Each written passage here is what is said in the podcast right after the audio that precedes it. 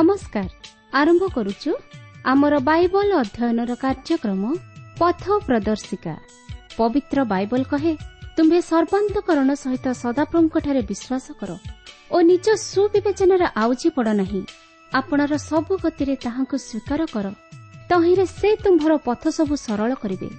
ଆସନ୍ତୁ ସେହି ପଥ ପ୍ରଦର୍ଶକଙ୍କର ସନ୍ଧାନ ପାଇବା ନିମନ୍ତେ ଶୁଣିବା ବେତାର କାର୍ଯ୍ୟକ୍ରମ ପଥ ପ୍ରଦର୍ଶିକା।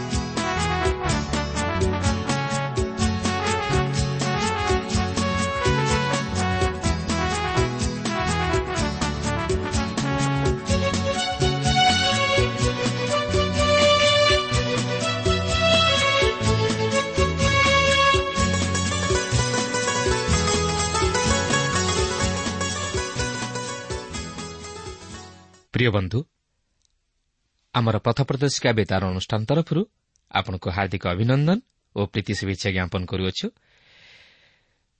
ପ୍ରଭୁ ଯୀଶୁଙ୍କ ବିଷୟରେ ଆପଣ ଯେ ବିଶେଷ ଆଗ୍ରହୀ ତାହା ଜାଣି ଆମେ ବିଶେଷ ଆନନ୍ଦିତ। ଆପଣଙ୍କର ପ୍ରାର୍ଥନାର ଅନୁରୋଧ ରକ୍ଷା କରି ଆମେ ଆପଣଙ୍କ ନିମନ୍ତେ ପ୍ରାର୍ଥନା କରୁଅଛୁ। ଆଉ ସେହି ପ୍ରଭୁ ଯୀଶୁ ନିଶ୍ଚିତ ଭାବରେ ଆପଣଙ୍କର ସମସ୍ୟା ସମାଧାନ କରିବେ। ଆପଣଙ୍କର ଯଦି କୌଣସି ପ୍ରକାର ପ୍ରଶ୍ନ ଥାଏ ତାହେଲେ ତାହା ଲେଖି ଜଣାଇଲେ। ଆମେ ଆପଣଙ୍କୁ ତାହା ପତ୍ର ମାଧ୍ୟମରେ ଜଣାଇପାରିବୁ। ଆପଣଙ୍କର ଯଦି ପ୍ରାର୍ଥନାର କୌଣସି ଅନୁରୋଧ ରହିଅଛି କିମ୍ବା ସାକ୍ଷ୍ୟ ରହିଅଛି ତାହେଲେ ତାହା ଲେଖି ଜଣାଇବା ନିମନ୍ତେ ଅନୁରୋଧ। ଆମେ ଆପଣଙ୍କ ନିମନ୍ତେ ପ୍ରାର୍ଥନା କରୁଅଛୁ।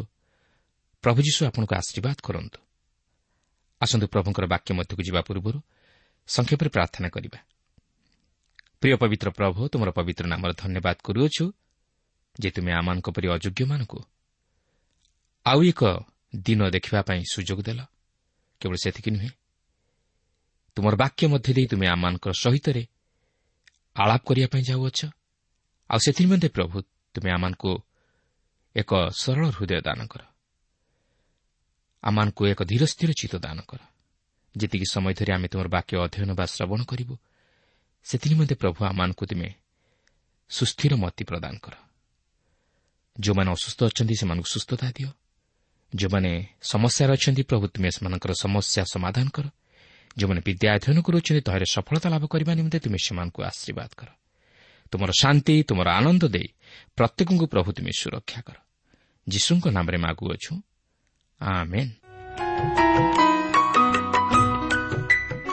ଆଜି ଆମେ ପ୍ରଭୁଙ୍କର ବାକ୍ୟ ମଧ୍ୟରୁ ପ୍ରଥମ ବଂଶାବଳୀ ଆଠ ପର୍ବ ଓ ନଅ ପର୍ବ ଅଧ୍ୟୟନ କରିବାକୁ ଯିବା।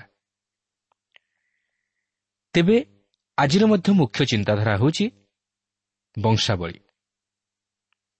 ପ୍ରଥମ ବଂଶାବଳୀ ଆଠ ପର୍ବ ବିନ୍ୟାମିନ୍ ଗୋଷ୍ଠୀକୁ ଚିହ୍ନଟ କରାଏ ଓ ଏହି ଗୋଷ୍ଠୀ ମଧ୍ୟରେ ବିଶେଷରେ ସାଉଲ ଓ ଜୋନାଥନଙ୍କ ବଂଶ ଉପରେ ବିଶେଷ ଭାବେ ଗୁରୁତ୍ୱାରୋପ କରାଯାଇଅଛି। କାରଣ ସାଉଲ ଓ ଜୋନାଥନଙ୍କ ମଧ୍ୟରେ ପିତା ଓ ପୁତ୍ରର ସମ୍ପର୍କ ଥିଲା। ଜୋନାଥନଙ୍କର ପିତା ସାଉଲ ଥିଲେ ଓ ସେମାନେ ବିନ୍ୟାମିନ୍ ବଂଶଧର ଥିଲେ। ସାଉଲ ମଧ୍ୟ ଇସ୍ରାଏଲର ପ୍ରଥମ ରାଜା ଥିଲେ। ଜୋନାଥନ ଯଦିଓ ସାଉଲଙ୍କର ପୁତ୍ର ଥିଲେ ମାତ୍ର ସେ ଦାଉଦଙ୍କୁ ଅତି ସ୍ନେହ କରୁଥିଲେ ଓ ଦାଉଦ ଏବଂ ଜୋନାଥନଙ୍କ ମଧ୍ୟରେ ଅତି ଘନିଷ୍ଠ ବନ୍ଧୁତା ସ୍ଥାପିତ ହୋଇଥିଲା। ଯେଉଁ ଦାଉଦ କି ସାଉଲଙ୍କ ପରେ ଇସ୍ରାଏଲ୍ର ଦ୍ୱିତୀୟ ରାଜା ରୂପେ ପରିଚିତ ହେଲେ।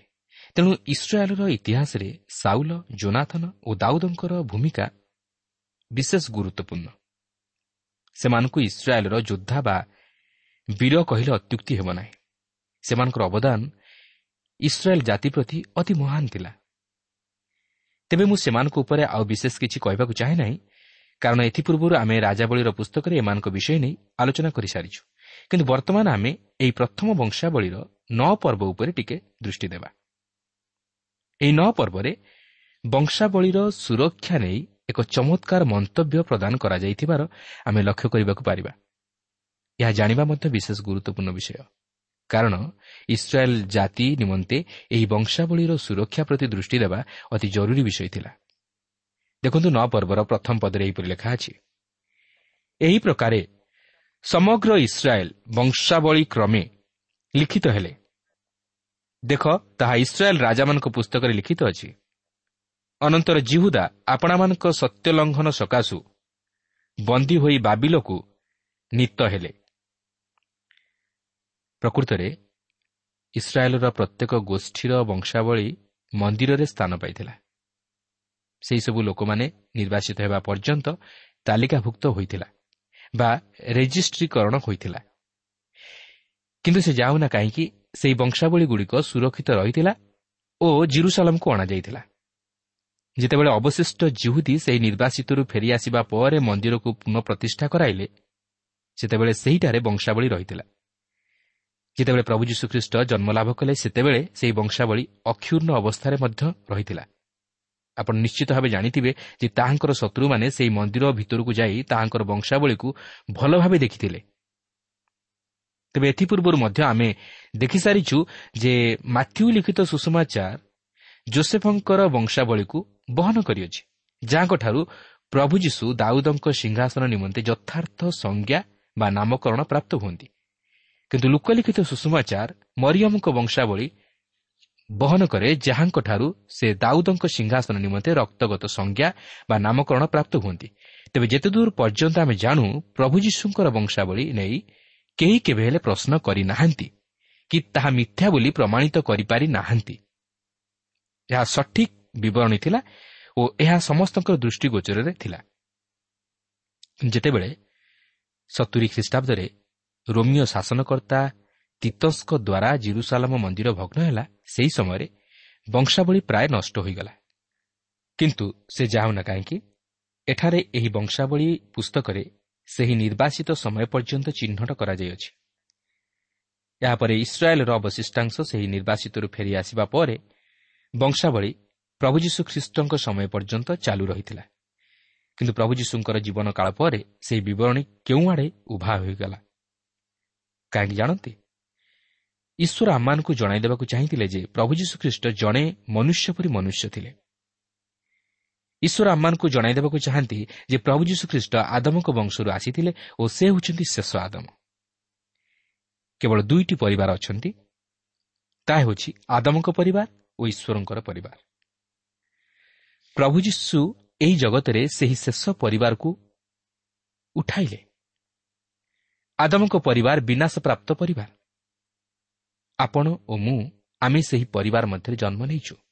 ଆମେମାନେ ଜନ୍ମରୁ ପାପି ଈଶ୍ୱରଙ୍କଠାରୁ ବିମୁଖ ହୋଇଅଛୁ ଓ ଈଶ୍ୱରଙ୍କ ନିମନ୍ତେ ଜୀବନଯାପନ କରିବା ପାଇଁ ଅସମର୍ଥ ଯାହାକି ଆମେ ଏହି ଜଗତକୁ ଲକ୍ଷ୍ୟ କଲେ ଦେଖିବାକୁ ପାରୁ।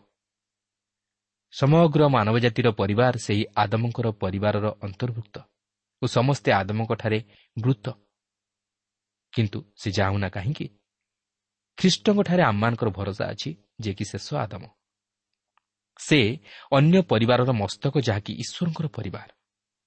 ତାହାଙ୍କୁ ଦ୍ୱିତୀୟ ମନୁଷ୍ୟ ବୋଲି କୁହାଯାଏ।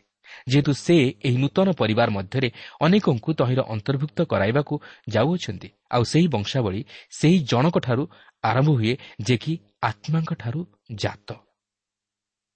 ଯଦି ଆପଣ ଆଜି କହିପାରିବେ ଯେ ମୁଁ ଖ୍ରୀଷ୍ଟଙ୍କ ନିକଟକୁ ଆସିଅଛି ଓ ତାହାଙ୍କଠାରେ ବିଶ୍ୱାସ କରିଅଛି ସେ ମୋର ଉଦ୍ଧାରକର୍ତ୍ତା ଓ ପବିତ୍ର ଆତ୍ମା ତାହାଙ୍କୁ ମୋ ନିକଟରେ ପରିଚିତ କରାଇଅଛନ୍ତି ତାହେଲେ ଆପଣ ଜାଣି ରଖନ୍ତୁ ଯେ ଆପଣ ସେହି ଶେଷ ଆଦମଙ୍କ ପରିବାରର ଅନ୍ତର୍ଭୁକ୍ତ ହୋଇଅଛନ୍ତି। ଏହି ଶେଷ ଆଦମଙ୍କ ପରିବାର ମଧ୍ୟରେ ଜୀବନ ଅଛି। ପ୍ରଭୁ ଯୀଶୁ ନିଜେ କହନ୍ତି ମୁଁ ହିଁ ଜୀବନ। ଜୋହନ ଦଶ ପର୍ବର ଦଶ ପଦରେ ପ୍ରଭୁ ଯୀଶୁ ଏହିପରି କହନ୍ତି ସେମାନେ ଯେପରି ଜୀବନ ପାଆନ୍ତି ଓ ପ୍ରଚୁର ଭାବରେ ପାଆନ୍ତି ଏଥିନିମନ୍ତେ ମୁଁ ଆସିଅଛି। ସେହି ଜୀବନ ହେଉଛି ବାସ୍ତବ ଜୀବନ। ଓ ତାହା ହେଉଛି ସ୍ୱର୍ଗୀୟ ଜୀବନ ଓ ସେହି ଅନନ୍ତ ଜୀବନ ଯାହାକି ଆମ୍ଭମାନଙ୍କୁ ସେହି ସ୍ୱର୍ଗ ରାଜ୍ୟର ଅଧିକାରୀ କରାଇଥାଏ ଓ ତାହାଙ୍କର ଉପସ୍ଥିତି ମଧ୍ୟକୁ କଢ଼ାଇ ନେଇଥାଏ ଓ ତାହାଙ୍କ ସହ ସହଭାଗିତା ସ୍ଥାପନ କରାଇଥାଏ। ସେ ଆମମାନଙ୍କୁ ଯେଉଁ ଜୀବନ ଦିଅନ୍ତି ତାହା ଅନନ୍ତ ଜୀବନ କାରଣ ସେ ନିଜେ ସେହି ଅନନ୍ତ ଜୀବନ। ଏହାପରେ ଏହି ନଅ ପର୍ବର ଅବଶିଷ୍ଟାଂଶ ମଧ୍ୟରେ ଲେବିୟ ଗୋଷ୍ଠୀ ଉପରେ ଗୁରୁତ୍ୱ ଦିଆଯାଇଅଛି। ଦେଖନ୍ତୁ ନଅ ପର୍ବର ଦୁଇ ପଦରେ ଏହିପରି ଲେଖା ଅଛି। ପୁଣି ଇସ୍ରାଏଲ୍ ଯାଜକଗଣ ଲେବିୟମାନେ ଓ ନଥିନୀୟମାନେ ସେମାନଙ୍କ ଅଧିକାରସ୍ଥ ନଗର ସମୂହରେ ପ୍ରଥମେ ବସତି କଲେ। ଏହାର ଅର୍ଥ ଇସ୍ରାଏଲୀୟମାନଙ୍କ ମଧ୍ୟରେ ପ୍ରଥମ ସ୍ଥାନ ପାଇଥିଲେ ଲେବିୟ ଗୋଷ୍ଠୀ। ପ୍ରଥମତଃ ଯାଜକମାନେ ଯେଉଁମାନେ କି ଈଶ୍ୱରଙ୍କର ସେବା କରୁଥିଲେ ଓ ଏହାପରେ ଲେବିୟମାନେ। ଆପଣ ଦେଖନ୍ତୁ ଲେବିୟ ଗୋଷ୍ଠୀର ସମସ୍ତେ ଯାଜକୀୟ କାର୍ଯ୍ୟ ସମ୍ପାଦନ କରୁନଥିଲେ ହାରଣଙ୍କର ପରିବାର ଯାଜକୀୟ କାର୍ଯ୍ୟ ସମ୍ପାଦନ କରୁଥିଲେ କିନ୍ତୁ ଅନ୍ୟମାନେ ଅଳ୍ପେ ବହୁତେ ମନ୍ଦିରର ତତ୍ତ୍ୱାବଧାନ ଦାୟିତ୍ୱରେ ଥିଲେ। ଏହାପରେ ଆମେ ଦେଖୁ ନଥିନୀୟମାନଙ୍କ ବିଷୟରେ ଲେଖା ଅଛି। ଏମାନେ କିଏ? ନଥନୀୟ ଶବ୍ଦର ଅର୍ଥ ହେଉଛି ଦାସ। ସେମାନେ ଦାସଗଣ ହୋଇଥାଇପାରନ୍ତି। ତେବେ ଏଠାରେ ପ୍ରଶ୍ନ ଆସେ ଯେ ଇସ୍ରାଏଲ୍ ମଧ୍ୟରେ କ'ଣ ଦାସମାନେ ଥିଲେ? ମୁଁ ଭାବେ ସେମାନେ ଦାସ୍ୟକର୍ମ କରିଥିଲେ ମାତ୍ର ସେମାନଙ୍କ ନିଜ ଭାଇମାନଙ୍କର ଦାସ୍ୟକର୍ମ କରିନଥିଲେ। କିନ୍ତୁ ପ୍ରକୃତରେ ଗିବିଓନୀୟମାନେ ଇସ୍ରାଏଲ୍ ମଧ୍ୟରେ ଦାସ୍ୟକର୍ମ କରୁଥିଲେ। ସେମାନେ ଇସ୍ରାଏଲୀୟମାନଙ୍କ ନିକଟରେ ଦାସ ପରି ରହିଥିଲେ। ସେମାନେ ମନ୍ଦିରର ସେବା କାର୍ଯ୍ୟରେ ବ୍ୟବହୃତ ହୋଇଥିଲେ। ଆଉ ସମ୍ଭବତଃ ମନ୍ଦିର ଓଳାଇ ସଫା କରିବାରେ ମନ୍ଦିରରେ ବ୍ୟବହୃତ ହେଉଥିବା ଉପକରଣମାନ ସଫା କରିବାରେ ଏହି ସମସ୍ତ କାର୍ଯ୍ୟ ସେମାନେ କରୁଥିଲେ। ଏହି ପର୍ବ ମଧ୍ୟରୁ ମୁଁ ଆଉ ଏକ କୌତୁହଳଜନକ ପଦ ଉପରେ ଆପଣଙ୍କର ଦୃଷ୍ଟି ଆକର୍ଷଣ କରିବାକୁ ଚାହେଁ ଆଉ ତାହା ହେଉଛି ତେତିଶ ପଦ। ଦେଖନ୍ତୁ ଏଠାରେ ଏହିପରି ଲେଖା ଅଛି। ପୁଣି ଲେବିୟମାନଙ୍କ ପିତୃବଂଶ ପ୍ରଧାନ ଯେଉଁ ଗାୟକମାନେ ସେମାନେ କୋଠରୀରେ ବାସ କଲେ। ଓ ଅନ୍ୟ ସେବାରୁ ମୁକ୍ତ ଥିଲେ। କାରଣ ସେମାନଙ୍କୁ ଦିବାରାତ୍ରି ଆପଣା ଆପଣା କାର୍ଯ୍ୟରେ ନିଯୁକ୍ତ ରହିବାକୁ ହେଲା। ଏଥିରୁ ଆପଣ ଜାଣିବାକୁ ପାରିବେ ଯେ ସେହି ଲେବିୟମାନଙ୍କ ମଧ୍ୟରୁ ଅନେକ ଥିଲେ ଯେଉଁମାନେ କି ସଙ୍ଗୀତ ପରିବେଷଣ କରିବାର ଦାୟିତ୍ୱଭାର ବହନ କରିଥିଲେ। ଆଉ ଯାହା ଜଣାଯାଏ ସଙ୍ଗୀତ ମଧ୍ୟ ଅଧିକ ମାତ୍ରାରେ ଚାଲିଥିଲା। ଇସ୍ରାଏଲ୍ ମଧ୍ୟରେ ସଙ୍ଗୀତ ମଧ୍ୟ ଅତି ଉଚ୍ଚ କୋଟିର ଥିଲା। ଆପଣ ଜାଣିଥିବେ ଦାଉଦ ସଙ୍ଗୀତ ପାଇଁ ଅତି ଆଗ୍ରହ ପ୍ରକାଶ କରୁଥିଲେ। ଆଉ ସେ ଜଣେ ମଧ୍ୟ ଅତି ଉଚ୍ଚ କୋଟିରର ସଙ୍ଗୀତଜ୍ଞ ଥିଲେ। ସେ ଇସ୍ରାଏଲ୍ର ଜଣେ ମଧୁର ଗାୟକ ରୂପେ ପରିଚିତ ଥିଲେ ଓ ଅଧିକାଂଶ ଗୀତ ତାହାଙ୍କର କଲମରୁ ଆସିଥିଲା। ତେବେ ନ ପର୍ବଟି ସାଉଲଙ୍କ ପରିବାରର ବଂଶାବଳୀ ମଧ୍ୟରେ ସମାପ୍ତ ହୁଏ। ଆଉ ବିଶେଷ କରି ସାଉଲ ଓ ତାହାଙ୍କ ପୁତ୍ର ଜୋନାଥନର ବଂଶଧରମାନଙ୍କ ବିଷୟ ନେଇ ପ୍ରକାଶ କରେ ଯାହାକି ଅତି ଚମତ୍କାର ବିଷୟ। ତେବେ ନ ପର୍ବଟି ବଂଶାବଳୀର ବିବରଣକୁ ସମାପ୍ତ କରେ। ପବିତ୍ର ଧର୍ମଶାସ୍ତ୍ର ମଧ୍ୟରେ ଏହା ସବୁଠାରୁ ଦୀର୍ଘ ବଂଶାବଳୀ। ପୃଥିବୀର ଇତିହାସରେ ବା ସାହିତ୍ୟରେ ଏପରି ବିଷୟ ଦେଖିବାକୁ ମିଳେ ନାହିଁ। ଏହା ଆଦମଙ୍କଠାରୁ ଆରମ୍ଭ ହୋଇ ଯୀଶୁଖ୍ରୀଷ୍ଟଙ୍କ ପର୍ଯ୍ୟନ୍ତ ଯାଏ। ଏହା ପ୍ରଥମ ଆଦମଙ୍କଠାରୁ ଆରମ୍ଭ ହୋଇ ଶେଷ ଆଦମ ପର୍ଯ୍ୟନ୍ତ ଯାଏ। ଏହା ପ୍ରକାଶ କରେ ଆମେ ସମସ୍ତେ ସେହି ଏକା ପରିବାର ମଧ୍ୟରେ ଅଛୁ। ଆମେ ସମସ୍ତେ ସେହି ଆଦମଙ୍କ ବଂଶଧର।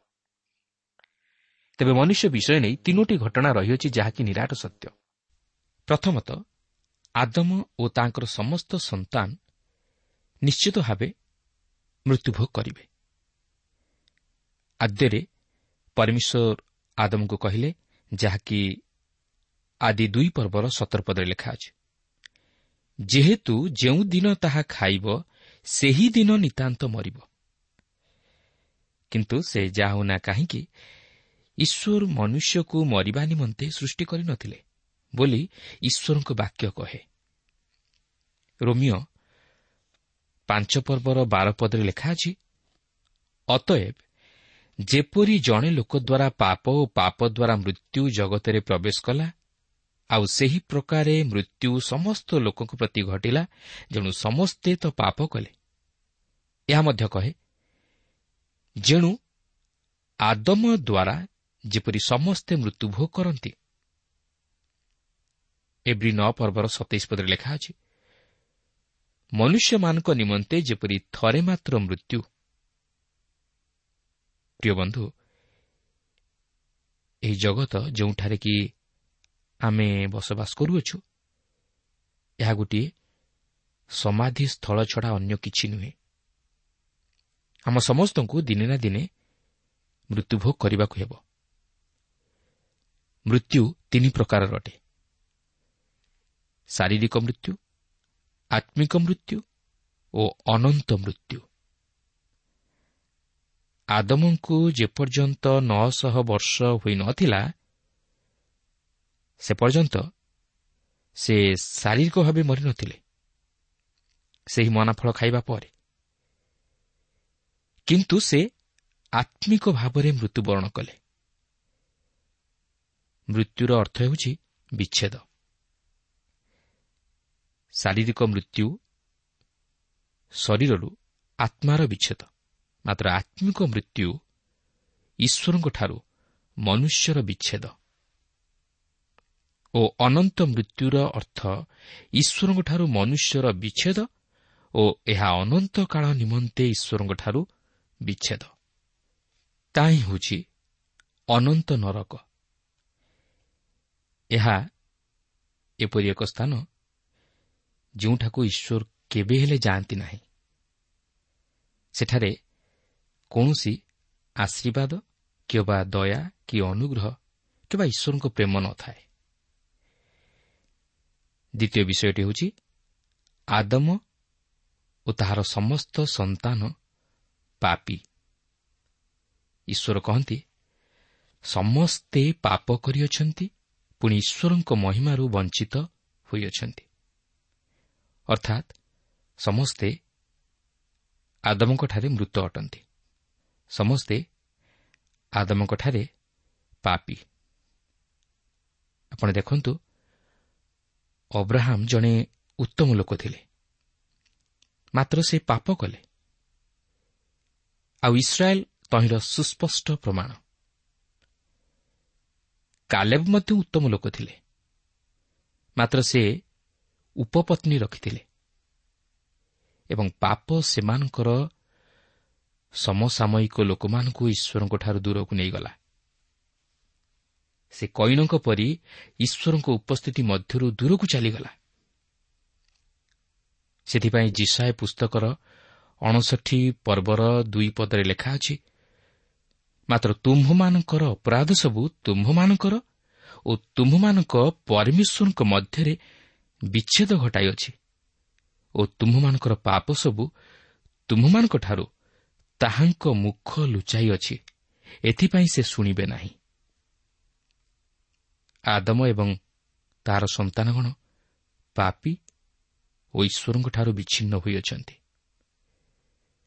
ପାପ ହେଉଛି ଏକ ମହାମାରୀ ସଦୃଶ ଯାହାକି ସମଗ୍ର ମାନବ ଜାତିକୁ ଆକ୍ରମଣ କରେ। ଏହା ଏକ କର୍କଟ ବ୍ୟାଧି ସଦୃଶ ଯାହାକି ମନୁଷ୍ୟର ଆତ୍ମିକ ଜୀବନକୁ ବିନଷ୍ଟ କରେ। କିନ୍ତୁ ପ୍ରଭୁ ଯୀଶୁଖ୍ରୀଷ୍ଟ ହେଉଛନ୍ତି ଜଣେ ଯିଏକି ନିଜର ପାପ ନିମନ୍ତେ ମୃତ୍ୟୁବରଣ କରିନାହାନ୍ତି ମାତ୍ର ଅନ୍ୟର ଆଉ ତାହା ମଧ୍ୟ ସେ ତୃତୀୟ ଦିନରେ ମୃତ୍ୟୁକୁ ଜୟ କରି ଉଠି ପ୍ରମାଣିତ କରାଇ ଦେଇଅଛନ୍ତି ଯେ ସେ ଜୀବିତ। ମାତ୍ର ମୃତ ନୁହନ୍ତି। କାରଣ ସେ ପାପ ଓ ମୃତ୍ୟୁ ଉପରେ ବିଜୟୀ ଅଟନ୍ତି। ଏହା ହିଁ ହେଉଛି ଶୁଭ ସମାଚାର। ଆଜି ଏହି ଜଗତରେ କେହି ନାହାନ୍ତି ଯେ କି ମୃତ୍ୟୁକୁ ଜୟ କରିଅଛନ୍ତି ଏବଂ ଜୀବିତ ଅଟନ୍ତି। କେବଳ ପ୍ରଭୁ ଯୀଶୁଖ୍ରୀଷ୍ଟ ହିଁ ଜୀବିତ ଅଟନ୍ତି ଆଉ ସେ ମୃତ୍ୟୁକୁ ଜୟ କରିଅଛନ୍ତି। ତାହା ହିଁ ହେଉଛି ସବୁଠାରୁ ମହାନ ଭିନ୍ନତା। ସେ ଆଜି ମଧ୍ୟ ଜୀବିତ ଅଟନ୍ତି। ଯେହେତୁ ସେ ହେଉଛନ୍ତି ସ୍ୱୟଂ ଈଶ୍ୱର। ଏହାପରେ ତୃତୀୟ ବିଷୟଟି ହେଉଛି ଆଦମ ଓ ତାହାର ସମସ୍ତ ସନ୍ତାନ ଦୟା ତଥା ଅନୁଗ୍ରହର ଅଧିକାରୀ ଅଟନ୍ତି। ଇନୋସ୍ ରକ୍ଷାପ୍ରାପ୍ତ ହୋଇଥିଲେ। କିପରି? ବିଶ୍ୱାସ ଦ୍ୱାରା। ନୋହ ଜଣେ ଉତ୍ତମ ଲୋକ ଥିଲେ। ମାତ୍ର ତାହା ତାହାଙ୍କୁ ଉଦ୍ଧାର କରିନଥିଲା ମାତ୍ର ତାହାଙ୍କର ବିଶ୍ୱାସ ତାହାଙ୍କୁ ଉଦ୍ଧାର କରିଥିଲା। ସେ ଜଣେ ଉତ୍ତମ ଲୋକ ଥିଲେ। ମାତ୍ର ସେ ପାପ କଲେ। କିନ୍ତୁ ତାହାଙ୍କର ବିଶ୍ୱାସ ତାହାଙ୍କ ପକ୍ଷରେ ଧାର୍ମିକତା ବୋଲି ଗଣିତ ହେଲା। ଦାଉଦ ମଧ୍ୟ ଈଶ୍ୱରଙ୍କର ଜଣେ ମହାନ ଲୋକ ଥିଲେ କିନ୍ତୁ ତଥାପି ସେ ପାପ କଲେ।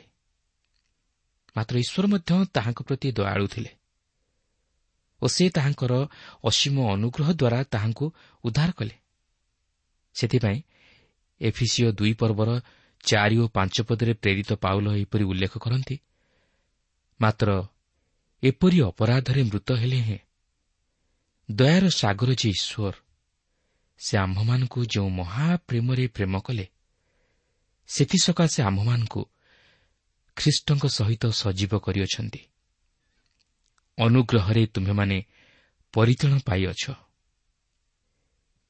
ପିତର ମଧ୍ୟ ଏହିପରି କହନ୍ତି ଯାହାକି ପ୍ରଥମ ପିତର ପ୍ରଥମ ପର୍ବର ତିନି ପଦରେ ଲେଖା ଅଛି ଆମ୍ଭମାନଙ୍କ ପ୍ରଭୁ ଯୀଶୁଖ୍ରୀଷ୍ଟଙ୍କ ଈଶ୍ୱର ଓ ପିତା ଧନ୍ୟ। ସେ ମୃତମାନଙ୍କ ମଧ୍ୟରୁ ଯୀଶୁଖ୍ରୀଷ୍ଟଙ୍କ ପୁନରୁତ୍ଥାନ ଦ୍ୱାରା ଜୀବନଦାୟକ ଭରସା ପ୍ରାପ୍ତି ନିମନ୍ତେ ଅର୍ଥାତ୍ ଯେଉଁ ଅକ୍ଷୟ ଅକଳଙ୍କିତ ଅଜର ଅଧିକାର ତୁମମାନଙ୍କ ନିମନ୍ତେ ସ୍ୱର୍ଗରେ ସଞ୍ଚିତ ହୋଇଅଛି ତାହା ପାଇବା ନିମନ୍ତେ ଆପଣାର ମହାଦୟାରେ ଆମ୍ଭମାନଙ୍କୁ ପୁନର୍ଜନ୍ମ ଦେଇଅଛନ୍ତି। ବାସ୍ତବରେ ଆମମାନଙ୍କର ଈଶ୍ୱର ଆଦମଙ୍କ ସନ୍ତାନଗଣ ନିମନ୍ତେ ସେହି ଅନୁଗ୍ରହର ଅଧିକାରୀ ହେବା ପାଇଁ ସମ୍ଭବ କରିଅଛନ୍ତି। ଆଜି ଆମେ ପ୍ରତ୍ୟେକ ଈଶ୍ୱରଙ୍କ ଅନୁଗ୍ରହର ଅଧିକାରୀ ହୋଇଅଛୁ। ସେ ଆମ୍ଭମାନଙ୍କ ନିମନ୍ତେ ତାହା ସମ୍ଭବ କରିଅଛନ୍ତି। ପ୍ରିୟ ବନ୍ଧୁ ଆପଣ ସେହି ଅନୁଗ୍ରହର କ'ଣ ଅଧିକାରୀ ହୋଇପାରିଅଛନ୍ତି? ମାତ୍ର ଜାଣି ରଖନ୍ତୁ। ଈଶ୍ୱର ତାହା ଆପଣଙ୍କ ପାଇଁ ରଖିଅଛନ୍ତି ଓ ସେ ତାହା ଆପଣଙ୍କ ଜୀବନରେ ସମ୍ଭବ କରିଅଛନ୍ତି। ସେ ଆପଣଙ୍କୁ ଉଦ୍ଧାର କରିବାକୁ ଚାହାନ୍ତି। କାରଣ ଆମେ ସମସ୍ତେ ପାପି। କିନ୍ତୁ ସେ ଆମମାନଙ୍କ ପ୍ରତି ତାହାଙ୍କର ମହାଦୟା ତଥା ଅନୁଗ୍ରହ ପ୍ରକାଶ କରି ଆମ୍ଭମାନଙ୍କ ନିମନ୍ତେ ସେହି ଉଦ୍ଧାରର ପଥ ପ୍ରସ୍ତୁତ କରିଅଛନ୍ତି। ମାତ୍ର ସେ ଚାହାନ୍ତି ଆମ୍ଭମାନଙ୍କର ବିଶ୍ୱାସ ସେଥିପାଇଁ ସେ କହନ୍ତି ବିଶ୍ୱାସ ବିନା ତାହାଙ୍କର ସନ୍ତୋଷ ପାତ୍ର ହେବା ଅସମ୍ଭବ ଆଉ ଈଶ୍ୱର ଯେ ଅଛନ୍ତି ଓ ସେ ଯିଏ ତାହାଙ୍କ ଅନ୍ୱେଷଣକାରୀମାନଙ୍କର ପୁରସ୍କାରଦାତା ଏହା ତାହାଙ୍କ ଛାମୁକୁ ଆସିବା ଲୋକର ବିଶ୍ୱାସ କରିବା ଆବଶ୍ୟକ ଯଦି ଆମେ ଖ୍ରୀଷ୍ଟଙ୍କଠାରେ ବିଶ୍ୱାସ କରି ତାହାଙ୍କର ନିକଟବର୍ତ୍ତୀ ହୋଇ ତାହାଙ୍କଠାରେ ନିଜର ପାପ ସବୁ ସ୍ୱୀକାର କରିବା ତାହେଲେ ସେ ଆମମାନଙ୍କୁ ତାହାଙ୍କର ସେହି ଅନୁଗ୍ରହର ବାହୁରେ ଆବୋରି ନେଇ ତାହାଙ୍କର ସନ୍ତାନତର ଅଧିକାରୀ କରାଇବେ। କାରଣ ପାପର ବେତନ ମୃତ୍ୟୁ କିନ୍ତୁ ଈଶ୍ୱରଙ୍କ ଅନୁଗ୍ରହ ଦାନ ଆମ୍ଭମାନଙ୍କ ପ୍ରଭୁ ଖ୍ରୀଷ୍ଟ ଯୀଶୁଙ୍କ ସହଭାଗିତାରେ ଅନନ୍ତ ଜୀବନ ଅଟେ। ପ୍ରିୟ ବନ୍ଧୁ ପ୍ରଭୁ ଆଜି ସେହି ଅନନ୍ତ ଜୀବନ ଆମମାନଙ୍କୁ ଦେବା ପାଇଁ ପ୍ରସ୍ତୁତ। କିନ୍ତୁ ଆଜି ଆମମାନେ କ'ଣ ସେହି ଅନନ୍ତ ଜୀବନକୁ ଗ୍ରହଣ କରିବା ପାଇଁ ପ୍ରସ୍ତୁତ? ନା ଆଜି ଆମମାନେ ଜଗତରେ ସେହି କ୍ଷଣସ୍ଥାୟୀ ଜୀବନ ଆଉ ସେହି କ୍ଷଣସ୍ଥାୟୀ ସୁଖ ନିମନ୍ତେ ଆମମାନେ ଲାଳାୟିତ ପ୍ରିୟ ବନ୍ଧୁ ଆମମାନେ ଜାଣି ରଖିବା ଉଚିତ ଏହି ଜଗତ ଆମମାନଙ୍କ ନିମନ୍ତେ କ୍ଷଣସ୍ଥାୟୀ। ଏହି ଜଗତରୁ ଆମମାନଙ୍କୁ ଦିନେ ନା ଦିନେ ବିଦାୟ ନେବାକୁ ହେବ। ଈଶ୍ୱର ଏକ ମହତ ଅଭିମତ ନେଇ ଆମମାନଙ୍କୁ ଏହି ଜଗତ ମଧ୍ୟରେ ରଖିଅଛନ୍ତି। ଆମମାନେ ସମସ୍ତେ ଈଶ୍ୱରଙ୍କର ସୃଷ୍ଟ ମନୁଷ୍ୟ। ଆମମାନେ ପାପ କରି ଈଶ୍ୱରଙ୍କ ସହଭାଗିତାରେ ବଞ୍ଚିତ ହୋଇଅଛୁ। ଆଜି ଯଦି ମନୁଷ୍ୟ ଆଉ ଈଶ୍ୱରଙ୍କ ମଧ୍ୟରେ ସେହି ବ୍ୟବଧାନ ରହିଥାଏ ସେହି ବିଚ୍ଛିନ୍ନତା ରହିଥାଏ ତାହେଲେ ତାହା ହେଉଛି ସେହି ପାପ। ସେହି ପାପ ଆଜି ଆମମାନଙ୍କୁ ଈଶ୍ୱରଙ୍କ ସହଭାଗିତାରୁ ବଞ୍ଚିତ କରିଅଛି। ସେହି ଅକ୍ଷୟ ଅନନ୍ତ ସୁଖ ଶାନ୍ତି ଆନନ୍ଦରୁ ଆମମାନଙ୍କୁ ବଞ୍ଚିତ କରିଅଛି। ଆମମାନେ ଜଗତରେ ପାପ କରି କେବଳ ଅଶାନ୍ତି ମଧ୍ୟରେ ଦୁଃଖ ମଧ୍ୟରେ ସମସ୍ୟା ମଧ୍ୟରେ ଜୀବନଯାପନ କରୁଅଛୁ। କିନ୍ତୁ ଈଶ୍ୱର ଆମମାନଙ୍କର ସେହି ପାପ ନେଇଯାଇ ପ୍ରଭୁ ଯୀଶୁ ଆମମାନଙ୍କର ସେହି ପାପକୁ ସେହି କୃଷରେ ବହନ କରି ଆଜି ଆମମାନଙ୍କୁ ସେହି ଶାନ୍ତି ସେହି ଆନନ୍ଦ ସେହି ତୃପ୍ତି ସେହି ସହଭାଗିତା ଦେବା ପାଇଁ ପ୍ରସ୍ତୁତ। ସେ ଆଜି ଆମମାନଙ୍କୁ ଡାକନ୍ତି ହେ ପରିଶ୍ରାନ୍ତ ଭାରଗ୍ରସ୍ତ ଲୋକ ସମସ୍ତେ ମୋ ନିକଟକୁ ଆସ ମୁଁ ତୁମମାନଙ୍କୁ ବିଶ୍ରାମ ଦେବି। ପ୍ରିୟ ବନ୍ଧୁ ଏହି ଜଗତରେ ଏ ବ୍ୟସ୍ତତାର ଜଗତରେ ଯଦି ଆମମାନେ ବିଶ୍ରାମ ପାଇବା ପାଇଁ ଚାହୁଁ ଶାନ୍ତି ପାଇବା ପାଇଁ ଚାହୁଁ ଅନନ୍ତ ଜୀବନ ପାଇବା ପାଇଁ ଚାହୁଁ ତାହେଲେ ପ୍ରଭୁ ଯୀଶୁଙ୍କ ନିକଟକୁ ଚାଲି ଆସୁ। ତାହାଙ୍କ ନିକଟରେ ନିଜର ସମସ୍ତ ଦୁଃଖ ଜଣାଉ ନିଜର ପାପ ସ୍ୱୀକାର କରୁ ତାହେଲେ ସେ ଆମମାନଙ୍କୁ ଉଦ୍ଧାର କରି ସେ ଅନନ୍ତ ଜୀବନର ଅଧିକାରୀ କରାଇବେ ସେ ଅନନ୍ତ ସୁଖ ଶାନ୍ତିରେ ଆମମାନଙ୍କୁ କଢ଼ାଇ ନେବେ। ପ୍ରଭୁ ପ୍ରତ୍ୟେକଙ୍କୁ ଏହି ସଂକ୍ଷିପ୍ତ ଆଲୋଚନା ମଧ୍ୟ ଦେଇ ଆଶୀର୍ବାଦ କରନ୍ତୁ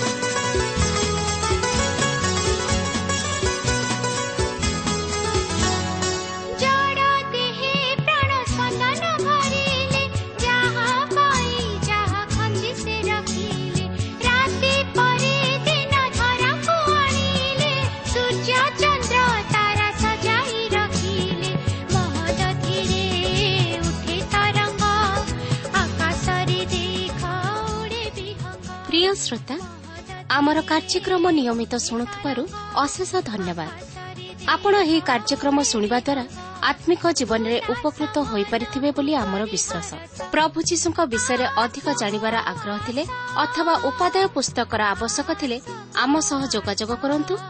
ଆମର ଠିକଣା ପଥ ପ୍ରଦର୍ଶିକା Trans World Radio India post box number ତିନି ତିନି ଭୁବନେଶ୍ୱର ସାତ ପାଞ୍ଚ ଏକ ଶୂନ ଶୂନ ଏକ mobile number nine seven double seven double two one four one five ଠିକଣାଟି ଆଉଥରେ ଶୁଣନ୍ତୁ ପଥ ପ୍ରଦର୍ଶିକା Trans World Radio India post box number three three Bhubaneswar seven five one zero zero one mobile number nine seven double seven double two one four one five ଆମର email ଆଡ୍ରେସ୍ଟି ଲେଖି ରଖନ୍ତୁ Odia TTV at radio eight eight two dot com ତେବେ ଆଜି ପାଇଁ ବିଦାୟ ଦିଅନ୍ତୁ। ନମସ୍କାର।